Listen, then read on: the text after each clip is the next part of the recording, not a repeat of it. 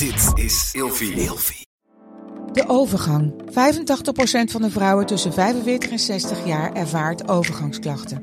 Klachten die kunnen leiden tot een verkeerde diagnose of langdurige arbeidsongeschiktheid. Wat kun je doen als je overgangsklachten ervaart? Hoe maak je dit bespreekbaar op je werk? En als jouw medewerker bij jou komt, wat kun je als werkgever dan doen? Sector Instituut Transport en Logistiek heeft een kennisplatform ontwikkeld waar jij terecht kunt voor tips en adviezen. Wil je hier meer over weten? Kijk dan eens op stl.nl/slash overgang.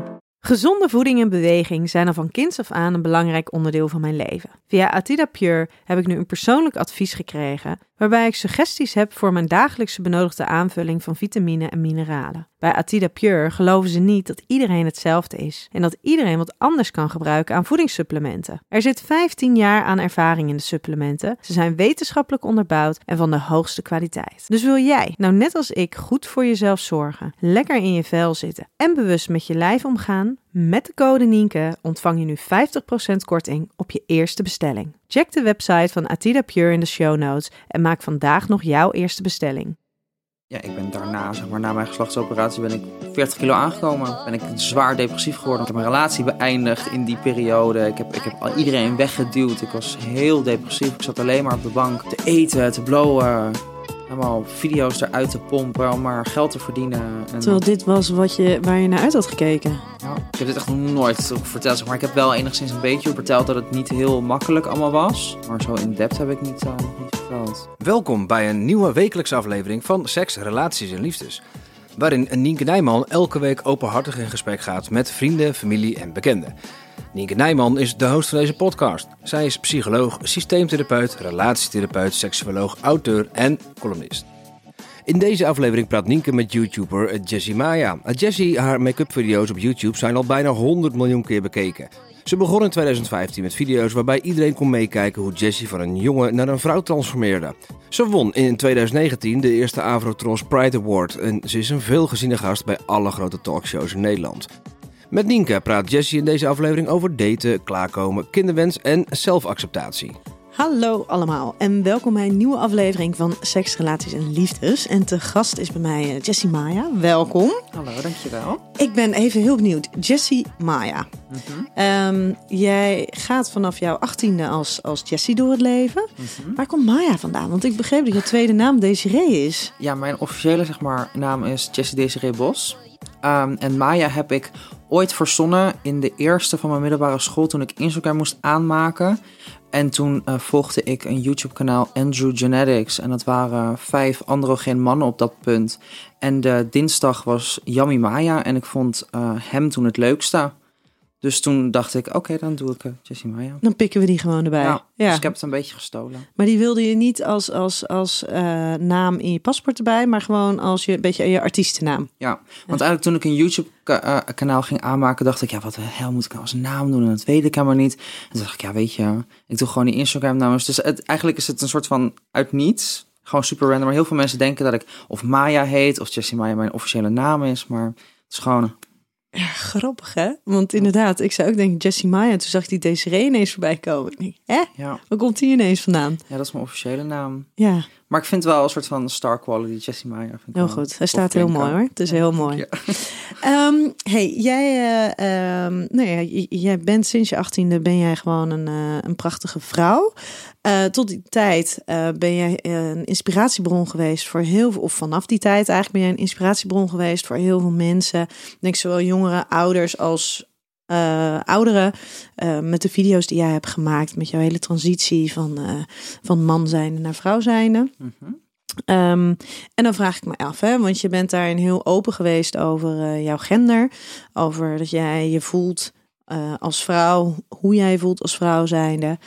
Ehm, maar ben je ook zo open over onderwerpen als seks, relaties en liefdes? Ja, best wel. Ja? Ja, ik ehm, vind het heel belangrijk, omdat het voor mij thuis was het nooit heel... Zeg maar, mijn moeder heeft al heel vroeg zeg maar, mij uitgelegd, zeg maar, wat gewoon de basic, zeg maar, hoe krijg je een kind? Dat heeft mijn moeder heel vroeg aan mij uitgelegd. Ehm, alleen, zeg maar, echt over seks praten en over verschillende dingen en over dat het leuk is en zo, daar, daar werd een soort van niet over gepraat.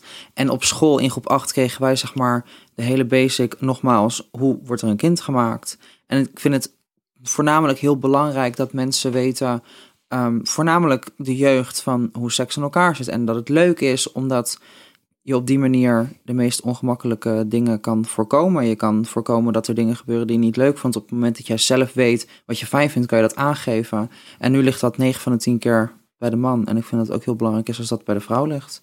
Dus dat is voor mij zoiets van, ik heb een best wel groot publiek met ook best wel veel jonge kijkers. En op de manier hoe ik het interpreteer en zeg aan mijn volgers zo van, dit het, het is leuk en het is normaal en praat Mhm. erover. En ja, als ik dan zeg maar dat kleine stukje kan invullen voor heel veel mensen. Dan krijg ik bijvoorbeeld, ik heb laatst van de week een video geüpload met allemaal deeldoos en speeltjes en voor Valentijnsdag. En toen kreeg ik heel veel reacties van, dit is de sex education die ik nodig heb, dus dank je. Dit krijg ik niet op school. Ja, want je vertelde net ook al, hè, als je het hebt over eh, de seksspeeltjes, dat je vroeger nog weet dat je de, de, de, Pabo-gids thuis zag. Ja. En jouw vader die zei, zoek maar een poster uit. Ja, achterin stond een, een- echt een dikke pagina met allemaal posters van allemaal leeuwen en tijgers en weet ik veel wat. Maar ja, de eerste, weet ik veel, 200 pagina's zijn gewoon porno en seksspeeltjes en seks-dvd's en zo. En ik zat daar met negen jaar zo helemaal doorheen te bladeren. Dacht, oh, interessant. Heb je dat altijd interessant gevonden? Ja, heel vroeg. Heel interessant, altijd. Ja.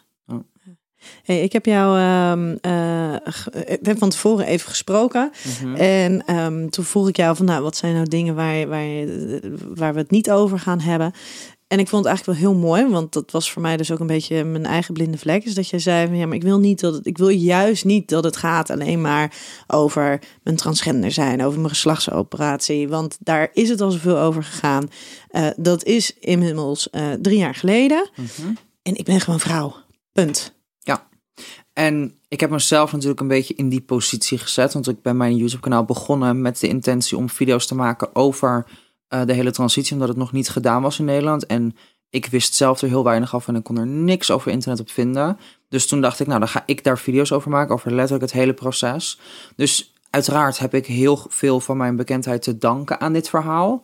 En heb ik het zelf neergezet. En op een gegeven moment dat je alleen maar geassocieerd wordt daarmee. Dat je alleen maar in interviews gevraagd wordt daarmee. Dat je als er een artikel geschreven wordt over zes mensen. Dat is afgelopen twee jaar geleden is dat ongeveer gebeurd. En dat bij iedereen gewoon normaal de naam staat. En dat er bij mijn hoofd transgender Jessie Meijer. Dat ik echt iets heb van. Maar wat, wat maakt mij nou anders? Maar in het hele interview hebben we het misschien twee seconden gehad over het feit dat ik transgender ben. Voor de rest ging het gewoon over allemaal andere dingen. Maar dan wordt er bij mijn hoofd transgender Jessie Meijer. En dan denk ik gewoon, why? Bizar, Dus op een gegeven moment krijg je daar een, een, een afkeer naar en begin je je daaraan te irriteren. Maar aan de andere kant heb ik ook zoiets van, ja, ik moet ook, ook wel een beetje omarmen. Dit is natuurlijk een heel groot deel van mij. En op een gegeven moment word je er zo geïrriteerd van. Dan wordt het zo vaak alleen maar dat op je hoofd gestempeld. Van, jij bent transgender Jessie Maya en daar heb je je carrière aan te danken. En dit is waarom jij bekend bent. Dat ik denk van, ik ben zoveel meer. En 95% ondertussen van mijn content gaat daar niet eens meer over. Dus...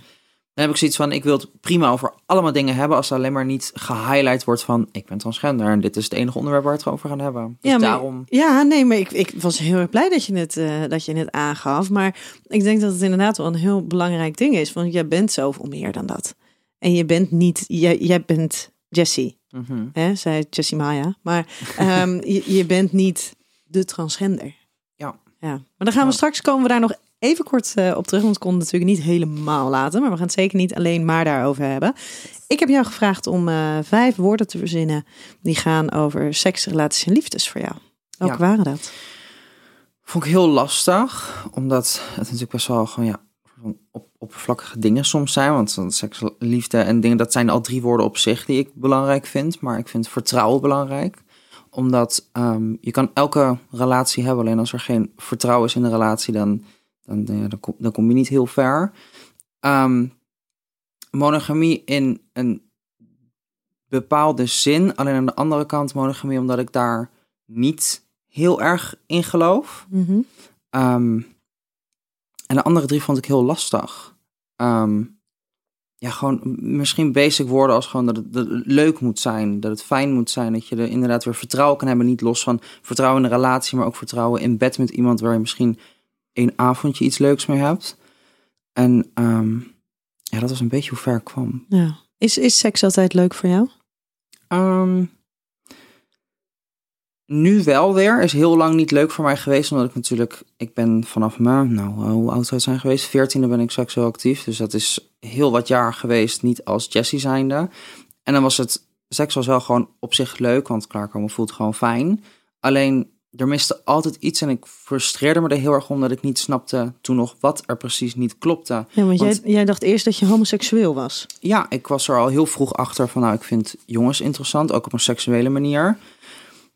En dan was zeg maar, seks met een jongen was heel interessant, alleen er, er klopte gewoon iets niet. En ik dacht, ik, ik raakte er heel gefrustreerd van en ik snapte het nooit, omdat ik dacht van, maar ik, ik word totaal niet opgewonden van vrouwen, maar wel van jongens. Maar als ik seks, dan klopt het niet en het is niet fijn, waardoor het heel ongemakkelijk voor jezelf wordt of zo, omdat je er geen, gewoon geen idee hebt wat er aan de hand is. En nou ja, tien jaar geleden was er natuurlijk heel veel minder bespreekbaar, was er heel veel minder mogelijk en bekend. Dus dan is het nog raarder en alles wat je op internet ziet en op televisie ziet zijn zeg maar homoseksuelen zijn zeg maar het, het grapje van de film. Denk aan een Jari en Gooise vrouw. Het is altijd het grapje en het hahaha. En overal waar het zeg maar naar boven komt is dat het het komt altijd grappig en het is altijd zeg maar het, het, het andere dan normaal. En het extravagante. Ja, precies. Ja. Dus dat wordt het ook een soort van lastig gemaakt. Ja. ja, maar daarin was dus seks was wel iets wat er was voor jou. Ja. Maar niet iets wat per se altijd maar leuk was. Want er was iets, iets wat, niet, niet, wat niet klopte Ja, of zo. Het, het klopte gewoon niet, maar Nee. ik kon dat op dat punt nog niet een plekje geven. Pas toen ik zeg maar, er echt achter kwam en pas het een plekje gegeven van, oh, ik ben denk ik eh, een vrouw. Het lag niet aan de ander, het lag Ja, aan ja, mij, in mij. Ja, precies. Toen gingen zeg maar, puzzelstukjes voor mij op zijn plek vallen. Ja. Is, is seks toen veranderd voor jou? Eh, ja, zeker. Ja, dat is, het, is gewoon, het is gewoon leuk geworden. Het is, het is fijn en, en comfortabel en hoe gek het ook klinkt. ehm, voor, nou, zo gek klinkt het trouwens helemaal niet. Maar dat ik me nu heel makkelijk bloot kan geven. Zeg maar, ik vind het nu niet raar. En vroeger was ik altijd heel erg... Als dan mijn zus of, of wie dan ook in de badkamer kwam, was ik van... "Ih." En nu denk ik, dan loop ik gewoon als beste vrienden thuis. Loop ik gewoon naakt de woonkamer. en Dan boeit me niet. Nu ben je Ja. een stuk trotser en, en zelfverzekerder daarin. Terwijl ik nu veel meer te laten zien heb dan toen. Met maar niks. Ja. Hey, we, gaan, eh, we gaan daar straks nog eventjes op terugkomen. ik ga vijf stellingen aan jou voorleggen. Maar voordat ik eh, die aan je voorleg, wil ik graag aan de luisteraar vragen om de podcast Seks, Relaties en Liefdes vooral te volgen, je te abonneren of een mooie review achter te laten. Ben je er klaar voor? Mhm. Oké, de eerste is een beetje provocerend, dus daar ben ik me bewust van. Ja? Oké. Ik zal de rest van mijn leven transgender zijn. Ja. Ja? Wel? Ja, het is. Het, het, het is ja, ik vind het, het, woord transgender vind ik lastig, want het is, ik ben niet transgender. Transgender is een woord die uitlegt wat er is gebeurd in mijn leven, omdat mensen woorden nodig hebben om dingen te snappen.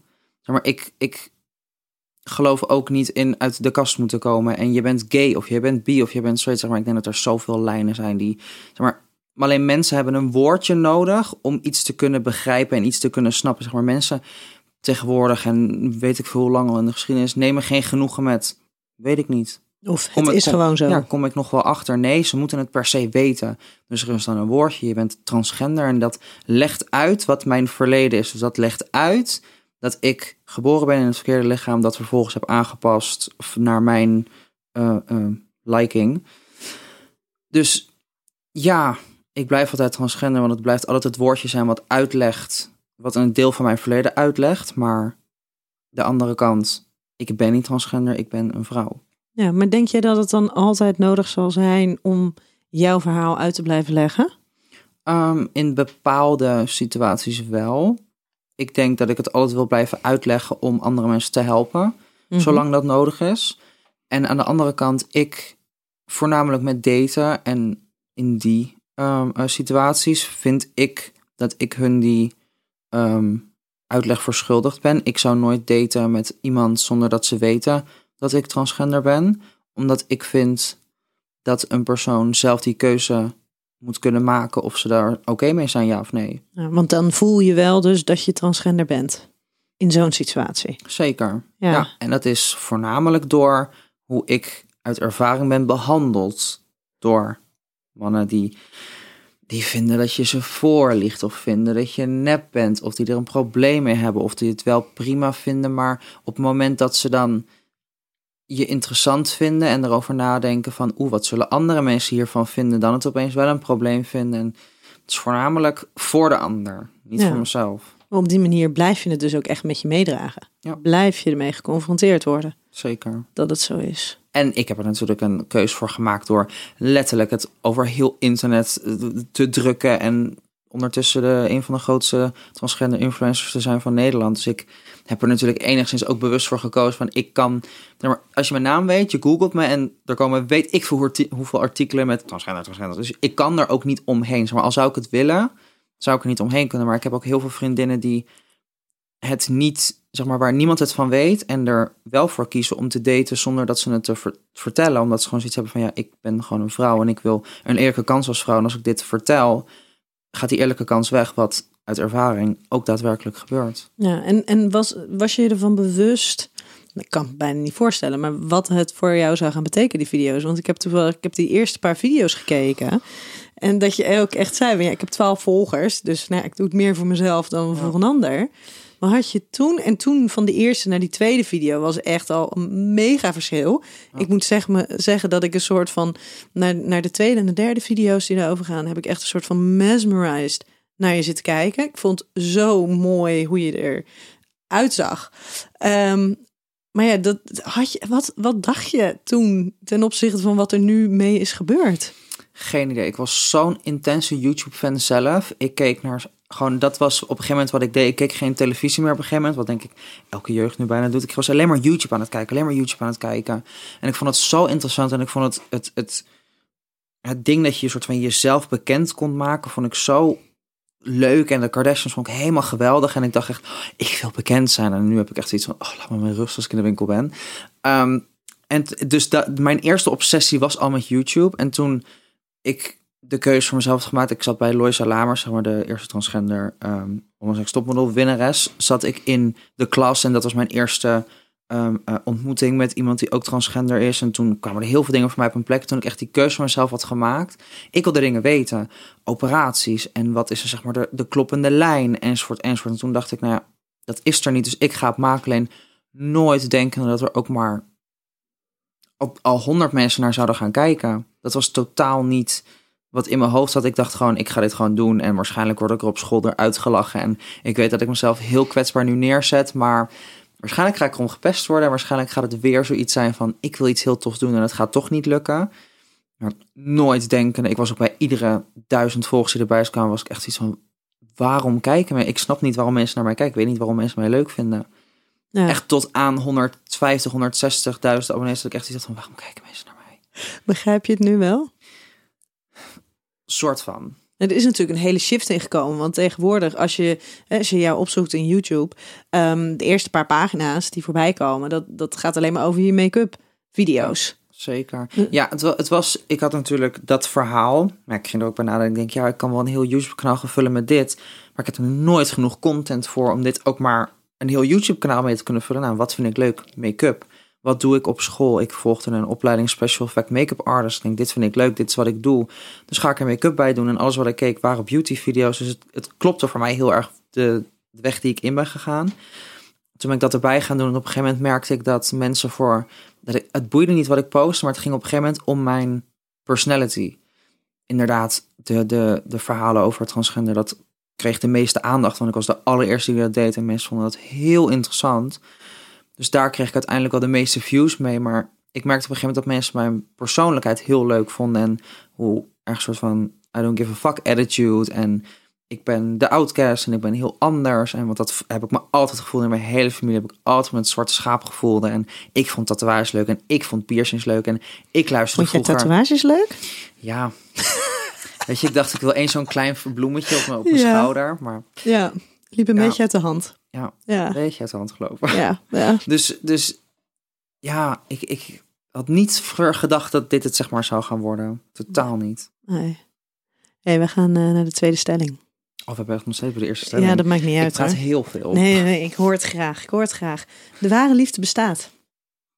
Ehm, ja, denk het wel. Ik denk dat er echt wel een persoon is die 100% levelt met jou. Op liefde, op, op, op, op elk gebied. Het- Ik denk wel dat de ware er is. Alleen dat je wel jezelf heel erg voor moet openstellen. Ben jij die jou al tegengekomen? Zeker niet. Nee. Oh, date is zo, is zo naar. Ik vind date zo kut. Ik vind date zo... Lastig. Nou, dan gaan we gewoon nu even vast even naar de vijfde stelling. Daten is een grote uitdaging als je zo bekend bent. Zeker. 100%. Ja? En dan maakt het er nog lastiger dat je transgender bent. En dat maakt het er nog lastiger dat je veel geld verdient. En dat maakt het nog lastiger dat je niet op je mond gevallen bent. Dat maakt het nog lastiger dat je er niet uitziet als de average, zeg maar, doorsnee persoon. Gewoon mijn hele totaalpakketje maakt het een soort van onmogelijk om te daten. Echt- Bestaat, bestaat er dan wel een ware liefde die bij jou past, denk je? Want jij, jij hebt jezelf natuurlijk wel echt gecreëerd, hè? Mhm. Wat het nog lastiger maakt, omdat ik zelf zoiets in mijn hoofd heb van ik ben dit. En ja, Maar, hoe gaat daar iemand dan mee matchen? Ik zou het werkelijk niet weten. Ik zit zo op de bank. En mijn beste vrienden worden er volgens mij ondertussen echt gek van. Dat ik echt zoiets zit van, het heeft geen zin. En ik ga niemand vinden. En het gaat helemaal niet werken. Dat we ook altijd iets hebben van, er gaat er eentje voor jou zijn. Dat ik dan zo denk van, ja, het zal wel. Ja. Maar moet dat ook iemand zijn die, die er heel uitgesproken uitziet? Tota- Die... nee, totaal niet. Ik val echt op, op, op doorsnee. Bijna boerse Nederlandse gasten. Ja? Ja. Lekker Holland? Ja. Lang, basic. Ja, ik, ik weet niet. Zeg maar, iemand hoeft voor mij helemaal niet onder tatoeage zitten of heel extravagant te zijn of langer dan mij in de spiegel te staan. Zeg maar, I don't care. Als je gewoon een goede kop hebt, een beetje lang bent en gewoon. Ja, maar hoe lang sta jij 's ochtends voor de spiegel? Of als je de deur Nou, uitgaat? dit heeft me zeker twee uur gekost. Maar dat is haar, make-up, outfit, alles. Want zeg maar, ik heb geen vaste extensions erin. Ze klikkert er allemaal zelf in. Ik krul het. Mijn haar is echt een, een mes zonder dat ik er iets zelf iets aan doe.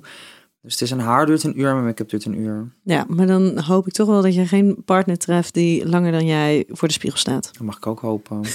Zeker. Maar gewoon, hij moet gewoon lekker even, even een beetje jelletjes haar, dan is het goed. Ja, een Maar beetje ik- nonchalant. Ik, ik doe je dagcreme wel. Ik zorg er wel voor dat je geen puistjes en rimpels en zo krijgt. Daar zorg ik allemaal wel voor. Dat hoef jij maar niet te doen. Ja. Hey, en ehm, we hebben elkaar natuurlijk tijdens de sekstest gezien. En daar zei je dat je continu van dating apps af wordt gegooid.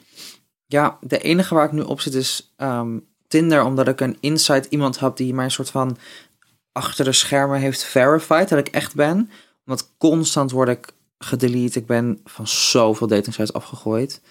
En gewoon geblokkeerd, omdat dan mensen of niet geloven dat ik echt ben, of me zien als een catfish omdat ik transgender ben. Dus dan zoiets hebben van, jij bent geen echte vrouw. Jij... Ehm, dus ja, ik word er constant afgegooid. Ja. En eh, de- behalve dat je dan bijvoorbeeld gerapporteerd werd en, en de af wordt gegooid, kan ik me ook wel voorstellen dat mensen het niet zozeer geloven dat jij het dan bent. Mhm. Ja, het is constant als ze dan, zeg maar, in gesprek ben met iemand en is het like zijn foto op Instagram dan. Of, of, of ik stuur je wel een DM op Instagram, zeg maar, laat zien dat je echt bent. Of voeg me eens toe op Snapchat, stuur eens een foto dan. Ze geloven het niet. En denk ik, ja, ik gebruik wel foto's op, op, op Tinder en zo, dat ik, dat ik er natuurlijk uber geweldig feestdoend en alles uitzie. Dus ik, ik snap wel dat het zeg maar niet hele realistische foto's zijn, maar dan denk ik, ja, maar dat wil ik eruit zien. Zeg maar, ik, ik, bewerk, ik bewerk wel een beetje, maar ik hou het wel, vind ik zelf, redelijk realistisch met hoe ik er daadwerkelijk uitzie. Ja, het is misschien niet hoe je 's ochtends wakker wordt, maar voor de rest is het, wel, wel hoe je er nu ja. ook bij zit. Ja, Ja. maar ja, ik denk dat mensen het gewoon niet heel realistisch vinden of zo. En heeft dat er dan mee te maken dat je bekend bent met de manier waarop jij met je uiterlijk bezig bent, of dat je transgender bent? Ehm, alle drie de situaties zijn daar. Het, wordt, het, is, het is- het is gewoon een mik- een mikkelmoesje. Dan is het één, dan is het twee, dan is het drie, dan is het twee, dan is het drie, dan is het drie en twee. Maar het is verschrikkelijk. Nou, is toevallig de, de, de hoofdsponsor van deze aflevering is Lexa. Ehm, ben, je, ben, je- ben jij ook bij Lexa al aan het date geweest? Ehm, Lexa, dat is... eh, eh, ehm, eh, ik heb het volgens mij een keer aangemaakt. Oké. Ik weet dat mijn Lexa vader erop gewoon- gedate heeft. dat weet ik wel. Nou, Lexa, dat is, dat is een van de eerste geweest in Nederland. Ehm, hij heeft al 324.000 singles aan de liefde geholpen, weet ik heel toevallig. Maar dan vraag ik me af. stel jij zou daar gaan daten. Stel wij kunnen voor jou regelen dat je dus eh, verified, verified wordt en ehm, er niet afgegooid wordt. Is er dan voor jou een kans, denk je, dat je daar iemand tegenkomt met wie jij matcht? Weet ik niet. Ik ben, zo, ik ben, omdat er ook nog weer bij komt dat ik net niet opnoem. Ik ben enorm kieskeurig. Ja. Maar qua uiterlijk mag je wel basic zijn, alleen qua innerlijk gewoon. Ik heb zoveel soort van levenservaring en zo. Ik, sorry, ik vind dat ik heel veel levenservaring heb. Want je bent helemaal Dus- nog niet zo oud. Ik ben 24. Dus ik ben dus daar nogal zo ver, maar ik val op jonger. Oh, Dus iemand die jonger is, kan het al helemaal niet aan. Vervolgens moet iemand heel zelfverzekerd zijn. Moet iemand met trots naast me lopen. Moeten ze woke zijn over dingen die in de wereld zijn. Moeten ze er niet eens over nadenken dat ik zeg maar transgender ben. Moet het gewoon zoiets hebben van I don't care. jij bent gewoon jij. Gewoon, Jessie, je bent leuk en het boeit me in principe niet hoe, wat, wie, waar. Ze moeten een beetje zelfstandig zijn. Die ik ga, ik ga niet zeg maar bij iemands zeg maar, moeder in, slaap, in een slaapkamertje liggen. Maar dat doe ik allemaal niet hoor. Dus het is ook nog een soort van onmogelijk pakket waar ik naar zoek. En hij moet langer zijn. Ja, maar dat kan ik me wel voorstellen dat dat best een beetje een onmogelijk pakket is, ja. En wat het vervelende is, dat meestal de gasten die ik super aantrekkelijk en interessant vinden, denken dat ze geen kans hebben bij mij. Nou, dat kan ik me dus ook voorstellen. Dat dacht ik net ook. Van ja, maar als ze dan jou, jou, jouw profiel zien, ehm, hoeveel mannen eh, zullen dan al niet denken van, nou ja, weet je, laat maar. Het heeft toch geen nut om daarop te reageren. Terwijl dat meestal de mannen zijn die ik heel interessant vind. En meestal de mannen die heel extravagant en heftig en foto's met Lamborghinis. Dan denk ik echt, goed, En die hebben het ego dat ze wel durven te reageren. Ja, ja, en alles wat er op mij af durft te stappen in de stad of zo, als ik dan, toen ik nog uit kon, vind ik allemaal helemaal niks. Want diegene, die, degene die de ballen hebben om mij af durft te stappen, denk ik echt, pff, oh vervelend. Ja, het is zo, het is zo lastig. Ja, dus bij deze, alle mannen, je, je Oh. maakt wel kans. Ja, Ja, maar ben je überhaupt op zoek naar, naar een partner nu? Wil jij nu een relatie? ik ben drie jaar vrijgezel, ik zou het heel leuk vinden. Ik zou het gewoon leuk vinden. Zeg maar, voor mij is niet een partner zijn dat je 24-7 samen moet zijn. Dat je samen iets aan het opbouwen bent. Het is gewoon voor mij iemand leuk voor de bij. Nee, dat klinkt zo stom. maar gewoon iemand waar je wel een soort van iets mee kan opbouwen. Maar het wel heel, heel vrijblijvend is. En lekker helemaal zijn eigen leven heeft. En ik heb ook heel erg mijn eigen leven. Maar dat je het wel gewoon, dat je elkaar liefde kan geven. En het leuk met elkaar kan hebben op het moment dat je samen bent. En dat. Ja. Want als ik dan, ik heb, ik heb natuurlijk wel dates. En als ik dan dates heb, is mensen na vijf dates dat ze helemaal zeggen: Oh, ik vind je zo leuk. En zullen we dit over drie maanden doen? Dat ik echt zoiets heb van: Ik wil niet helemaal nog niet weten dat jij er over drie maanden nog bent. Ga weg. Maar vijf dates, dan hou je het best vol met ze. Er is eentje geweest. Daar heb ik Oh. vijf dates mee gehad. Ja. Oh, en ik voelde helemaal kriebelig werd ik. Toen hij dat de vijf keer vroeg. Nou, gewoon, hij vond mij heel. Zeg maar, op het moment dat ik het idee he- heb dat jij mij leuker vindt dan ik jou, denk ik: Oh nee. Vind ik niks. Ik wil moeite doen. Ja, maar wil je moeite doen? Of ligt dat ook een beetje aan, aan ehm, hoeveel liefde je kan ontvangen? En hoe leuk jij denkt dat andere mannen jou kunnen vinden? Ik, ik zou het echt werkelijk niet weten. Want het is het ene moment dat ze me geen genoeg aandacht geven, word ik geïrriteerd. En denk ik, hallo. Op het moment dat ze me te veel aandacht geven, denk ik echt, ga weg. Ja, maar dat kan natuurlijk best. Hè? Dat op het moment dat, dat het dus eigenlijk helemaal niet zo, zo, zo veilig, comfortabel en goed voor jou is. Dat je dan het idee hebt, ik moet heel hard werken en dit is, dit is eh, interessant. Ja. En op het moment dat zij dus eigenlijk gewoon heel rustig, heel veilig, heel comfortabel en ook echt in jou geïnteresseerd zijn. Dat je dan ineens denkt, oh help, wat moet ik hier eigenlijk mee? Nou, dan wordt het gewoon veel te heftig. En dan denk ik gewoon van, oh, zeg maar, ik wil, ja, het klinkt heel stom, maar ik wil een beetje onzeker worden. Ik wil een beetje het gevoel dat ik moeite moet doen. En maar, ik heb liever dat je mij vijf dagen lang een soort van negeert en vijf dagen niks van je laat horen, dan dat je 's ochtends vraagt, hey, heb je lekker geslapen? Dan denk ik echt, oh, ga weg. Dus jij wil graag dat de andere een beetje hard to get speelt. Ja. Moet het dan een spel Maar zijn? Nee, het of? moet geen spelletje zijn. Het moet heel natuurlijk komen. Het moet gewoon natuurlijk van iemand zijn dat ze gewoon zoiets hebben van... ik heb lekker mijn eigen leven en ik vind je wel interessant. Ja, I don't know. Zeg maar dat is het, he- mijn hele probleem. Zeg maar ik heb geen idee. Ik weet het niet. Maar je moet gewoon op de goede manier met mij om kunnen gaan.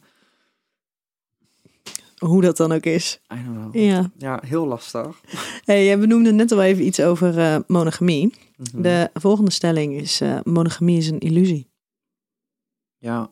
Nou, niet een illusie. Ik, het, ik, wat ik ervan weet, en correct me if I'm wrong, dat monogamie door de kerk is bedacht om, zeg maar, vrouwen in huis te houden. Volgens mij, het is een heel, heel bot gezegd, maar het, het, het is, volgens mij is het iets bedacht door de kerk. Zo van, je, je, je houdt het bij één persoon, maar als we kijken naar heel ver terug en lag iedereen met iedereen in bed en lag, mannen met mannen in bed en vrouwen met vrouwen. Dus ik, dat, dat hele gedeelte monogamie, zeg maar, ik snap het wel.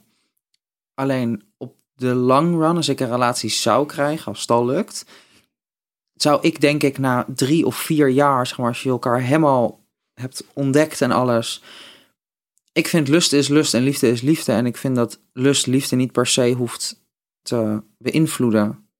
Dus ik heb zoiets van, als jij een hele goede relatie hebt en je, hebt, je weet wat je aan elkaar hebt en je hebt dat vertrouwen, wat ik dus heel belangrijk vind, dat je echt wel afspraken kan maken, zo van als jij op vakantie bent en je ziet iemand die je helemaal kapot wil neuken, om het zo maar even te zeggen, wie ben ik dan om dat tegen te houden? Want dat is puur lust. En lust hoeft niet meteen te betekenen dat er liefde is. En dat vind ik ook een deel van vertrouwen. En ik hoef het vervolgens niet te weten als je thuis komt. En, en je hoeft Nee, zeker, dat hoeft dan weer je hoeft niet. ook echt het nummer niet op te slaan. Want je ik denk dat je op dat punt wel afspraken met elkaar dan moet maken. En dat dat echt, zeg maar, dat moet echt met een persoon zijn waar, waar het echt goed mee zit. Denk ik niet dat op de long run monogamie voor mij iets is wat per se moet. Ik in de eerste paar jaar wel. Ja. Maar dat is dus waarschijnlijk nog iets wat aan het uitdagingenlijstje eh, komt. Dat je dus je partner daarin ook zo een beetje staat. Hoeft niet, maar als het maar wel bespreekbaar is of zo. Ja, ik weet niet, ja. Maar ja, hoeft niet. Dan kom je in een soort van een situatie waarin jij het straks wel wil en de ander niet. Ja, dus eigenlijk moet het dan weer wel. Als je nu al weet dat het wel iets is wat je zou willen. Of waar, waar je, waar Ja, maar je dat- gewoon dat heel ik nu, realistisch. hè? ja, maar dat waar je- denk ik ja. nu. Misschien zit ik straks in een relatie denk ik echt als er iemand anders aan jou komt, zeg maar, dan steek ze dood. Maar dat kan ook nog, dat is ook nog een optie. Dat weet ik ook weer niet. Ik ben zo ingewikkeld, zeg maar, ik haat mezelf echt om dit soort redenen. Het, maar- het valt mee hoor. Het valt mee hoor. Oh. Hoe wordt er in jouw omgeving met monogamie omgegaan?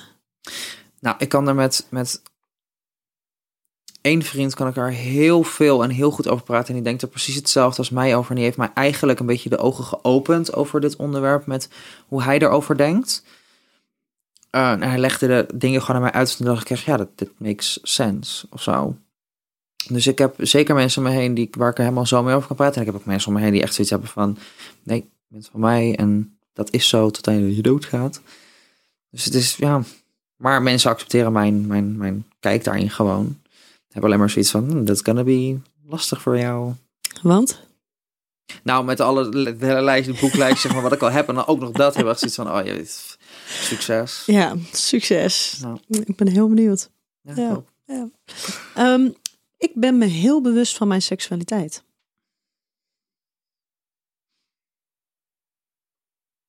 denk het. Ik denk dat er heel veel is, nog niet. Mhm. Ik heb zoiets van, ik, ik zeg altijd, ik val op mannen. Maar ik sluit vrouwen niet uit. Want misschien denk ik over vijf jaar wel, ik wil met een vrouw naar bed. Dat weet ik niet. Dus daarom heb ik dat hele, dat hele hokjes, dus ik hou daar niet zo van. Dus ik denk dat er, voor nu heb ik wel zoiets van, oké, dit vind ik leuk en dit vind ik interessant. Maar geen idee wat ik over vijf jaar denk interessant en leuk te vinden. Dus, ik weet niet, ik hou het heel erg open. En hoe is jouw seksualiteit in de afgelopen drie jaar veranderd? Ben je er op een andere manier mee omgegaan? Ehm, Heel weinig seks gehad. Ja? Ja, ik ben de afgelopen vier jaar zeven keer onder het mes geweest. Dus ik ben constant herstellende geweest. En dan weer een nieuwe operatie. En dan herstellende geweest. En dit en dat en daten. En op een gegeven moment, ik drie jaar geleden heb ik mijn relatie beëindigd. Dus ik ben drie jaar single. Toen heb ik het heel lang weggedrukt voor mezelf. Alleen maar hele oppervlakkige, zeg maar, one-night stands gehad. Dat ik even in de wc op mijn knieën ben gegaan. Zeg maar heel erg dat. Heel, heel dus meer geven gewoon- dan ontvangen? Zeker. Ook omdat ik ehm me er zelf gewoon een beetje ongemakkelijk bij voelde. En het allemaal nog niet allemaal wist. En het dan altijd lastig was. En ik wilde er niet per se met iemand naar bed zonder te zeggen. En eh, heel, heel lastig. Dus ik heb heel weinig seks gehad.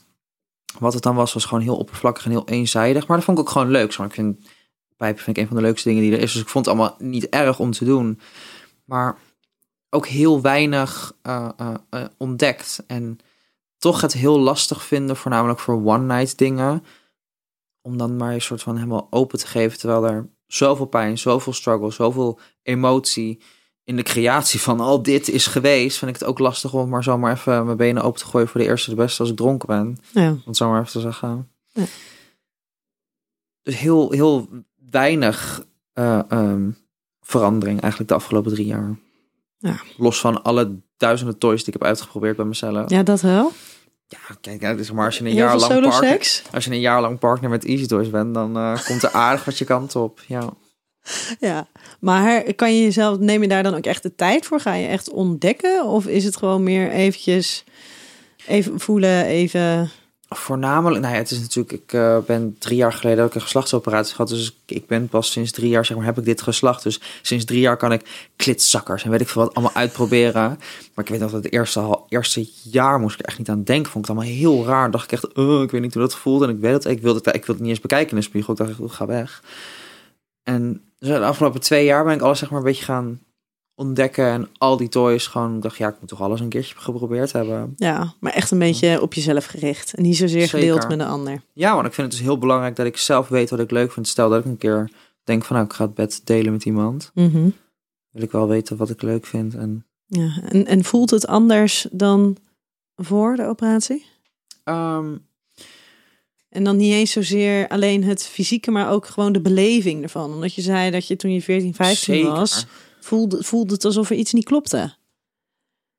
Dat er iets miste. Ehm, nou ja, het, het klaarkomen gedeelte, dat ja, klinkt heel stom, maar dat voelt precies hetzelfde. nou, ik denk dat dat niet heel stom is. Ik denk dat dit een vraag is die heel veel mensen hebben. Het voelt een soort van precies hetzelfde, alleen op het moment dat een, een, eh, iemand met een penis zeg maar klaarkomt, zeg maar, komt er 9 van de 10 keer wat uit. Ja, En dat geeft ook een bepaald gevoel. Dus dat is het enige wat er zeg maar dan nu niet is.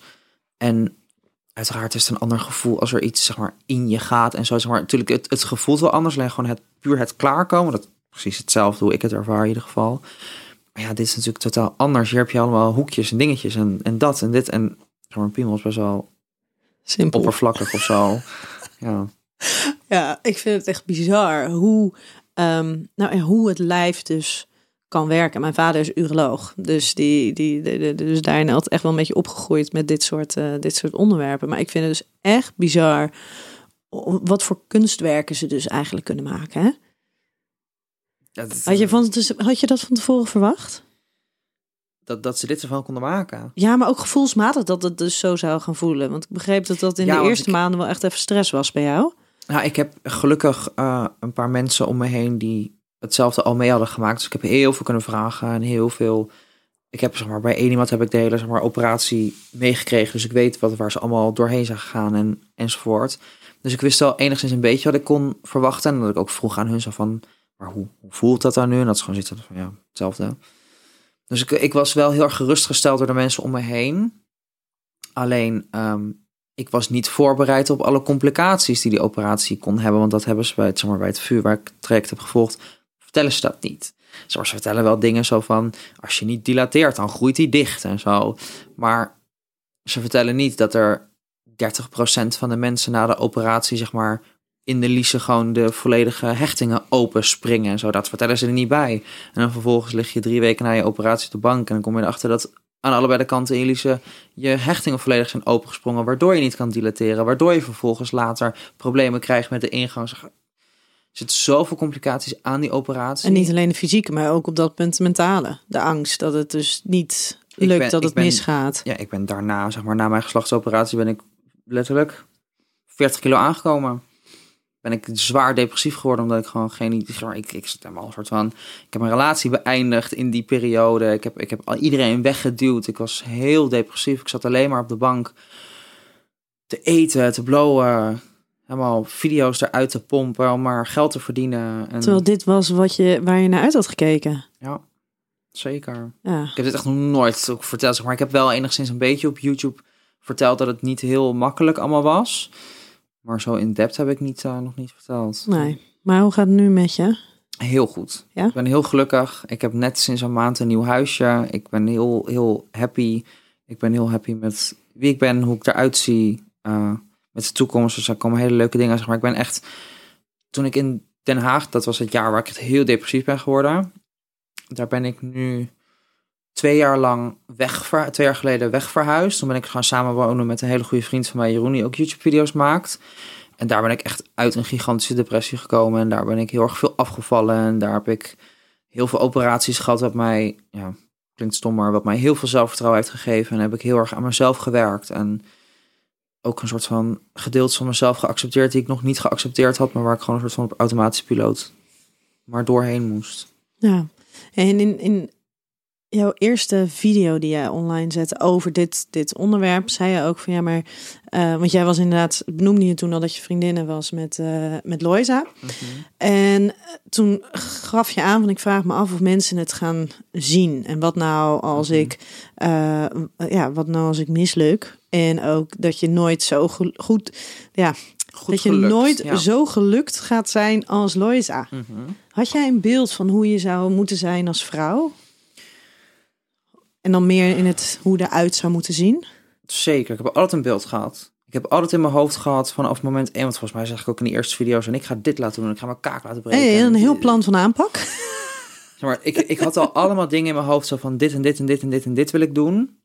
Omdat dat op dat moment in mijn hoofd was zo van dat heb ik nodig, persoonlijk voor mij, om er voor mezelf vrouwelijk genoeg uit te zien.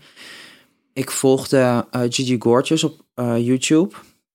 Amerikaanse YouTuber die trans is. En zij ehm, heeft vanuit huis uit geld. En zij deed allemaal operaties. En zij deed de FFS-operatie, maar de gezichtsoperatie. En zij deed een borstvergroting. En zij deed een neuscorrectie. En dit en dat. En het enige waar, hoe ik er naar keek was zo van, maar, zeg maar, ik heb daar geen geld voor. Zeg maar, dit is totaal niet haalbaar voor mij. En die vriendin van mij, Loisa, die is heel jong begonnen. Dus die is voor de puberteit, heeft ze hormoonblokkers gekregen. Waardoor heel veel dingen niet ontwikkeld zijn hoe het bij een man ontwikkelt. Dus die hoefde dat nooit weg te werken. En ik maakte me alleen maar zorgen dat ik echt dacht van... oh god, want het enige beeld wat ik toen zeg maar had... en wat je heel veel zag was... ja, en hoe ik het dan zelf toen zag... een bouwvak en een bloemetjesjurk. En als je het dan zag bij mensen... waren het mensen die veel later begonnen waren. En ik was natuurlijk al later... ik was er door de puberteit heen gegaan... en ik maakte me heel erg zorgen... en ik werd daar heel onzeker over. En het enige wat ik dacht is...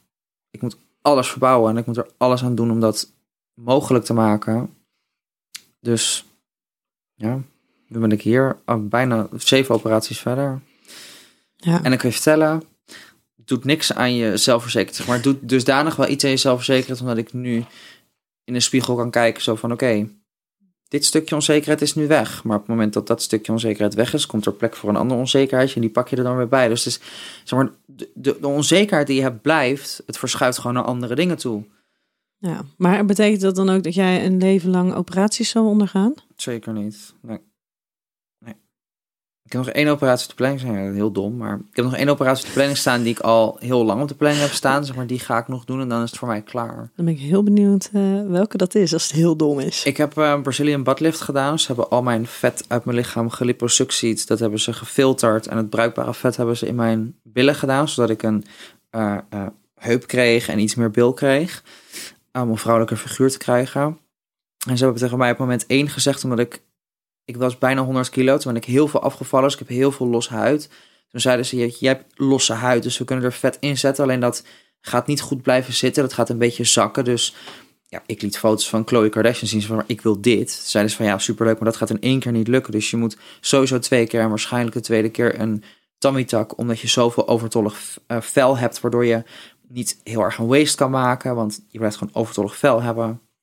Dus ik dacht toen aan de eerste van, nou, pff, nou, eentje zal voor mij wel genoeg zijn. En ik heb zoiets van, ja, oké, voor het resultaat dat ik wil behalen.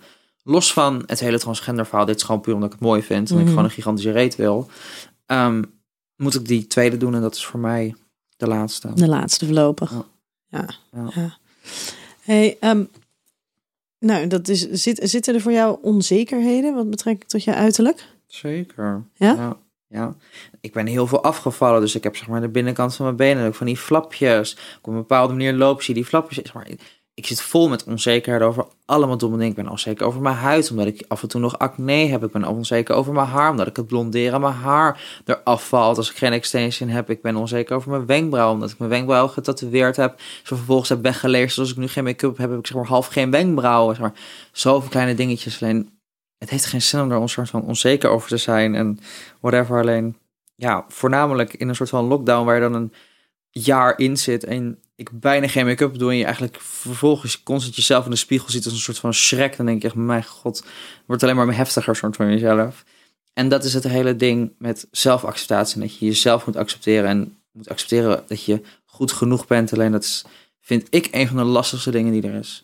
Ja, maar je bent natuurlijk opgegroeid met een met het idee, ik, hè, ik moet mezelf accepteren en ik ben goed genoeg. Alleen vervolgens bleek er dus een heel stuk van jou te zijn waar je helemaal niet bewust van was. Nou, ik, ik, dat, dat is het ding, maar ik ben niet opgevoed met ik moet genoeg nemen met wie ik ben en ik ben goed genoeg. Ik ben voor mijzelf heel erg opgegroeid met dat ik nooit goed genoeg was.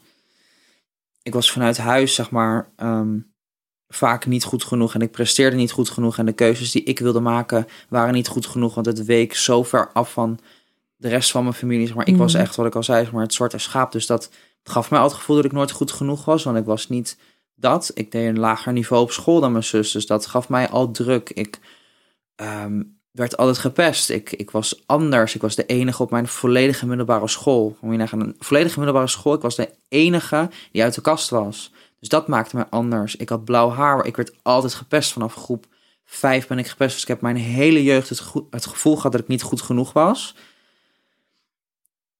En dan komt dat erbij en dan wordt het nog... He- ja, het, het Ja, maar dan wordt het ook heftiger met Ja. de kritiek die je van anderen krijgt. ook nog. Want op het moment dat je dan geen make-up op hebt en je ziet er iets minder glamorous uit zoals je er nu uitzet, krijg je daar volledig veel comments over van Jezus.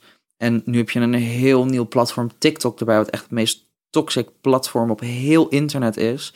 Want op momenten dat ik viral ga op TikTok, dus dan heb ik het over een miljoen views op een TikTok, 95% van de comments zijn negatief en zijn over. Want de enige TikToks waar ik mee viral ga, is dat ik zonder make-up begin en dan op een soort van liedje een transformatie doe en dan eindig in dit.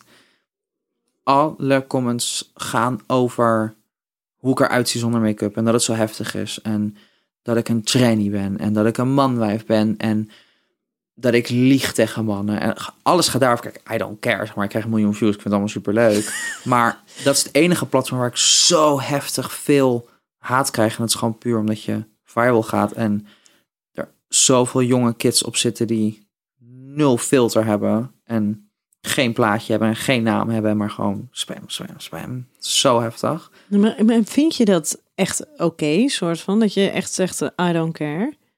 Want het Eh, lijkt me toch wel heel gebeurt- heftig. Het gebeurt zoveel dat je op een gegeven moment iets hebt van, ja, weet je, Never ik mind. heb alles al duizend keer gehoord. Maar soms is het gewoon irritant dat je echt zo denkt van, je, wa- wat moet ik dan doen dat dat niet gebeurt? Maar dan vervolgens als er niks, maar ook niks comments komen over je uiterlijk of over het feit dat je transgender bent, is het er wel weer om het feit dat er een plukje haar niet goed zit, dat er een extension doorheen komt, dat je een, uit een plastic rietje van de Starbucks drinkt, dat je een woord verkeerd uitspreekt, dat je je, je audio in de video niet goed is, dat je net iets te overbelicht bent in een video, dan is het dat je sneakers aan hebt van 400 euro en dat je je schoen buigt, dus dat er een crease in is. Maar, het, het, mensen zeiken om de meest bizarre dingen. Het gaat zo ver buiten. Mensen die, zeg maar, tegenwoordig heb je cancel culture op internet. Dus je wordt een soort van alles wat je zegt, alles wat je doet, wordt onder een microscoop gelegd. En als het maar iets afwijkt van wat hun denken dat oké is, en dan vervolgens leest iedereen gaat de comments. Mensen kijken ondertussen niet eens meer de video's, maar gaan meteen in de comments lezen als het ook maar enigszins een heftig onderwerp is. En als ze het ergens mee eens zijn, duimpje. Oh, dat vind ik ook, ja. Oh, dat vind ik ook, ja. Dus dan vervolgens krijg je reacties met... Jezus, had je niet iets betere audio of had je het niet iets beter kunnen editen? Duizend mensen vinden dat ook. En dan vervolgens heb je een, zo'n reactie met duizend likes, waardoor iedereen denkt van, oh ja. En dan gaan ze erover nadenken en dan vinden ze dat toch ook. Zo, het is zo bizar, het is zo heftig. Wauw. Maar kan je je voorstellen dat je gewoon op een ochtend denkt, laat maar, ik, ik stop ermee? Bijvoorbeeld Nee, ik met een zo- Instagram ik of een vind het TikTok? zo leuk. Echt? Ik vind het zo leuk. Ik, ik krijg zoveel bizarre momenten van, van ouders die naar me toe komen en emotioneel worden. Want ik heb geholpen met dat hun dochter weer tegen hun praat. En ik heb geholpen dat ze zich durfde te aanmelden bij het VU. Ik heb ze daar door geholpen door te durven uit de kast te durven komen. Ik heb ze gewoon met een basic make-up video geholpen. Met weet ik veel wat, zeg maar. Er zijn ook zoveel leuke momenten. Echt gewoon mensen die je gewoon echt super tof vinden en je super leuk vinden. En het tof vinden wat je doet, zeg maar, dat neemt zo erg de overhand.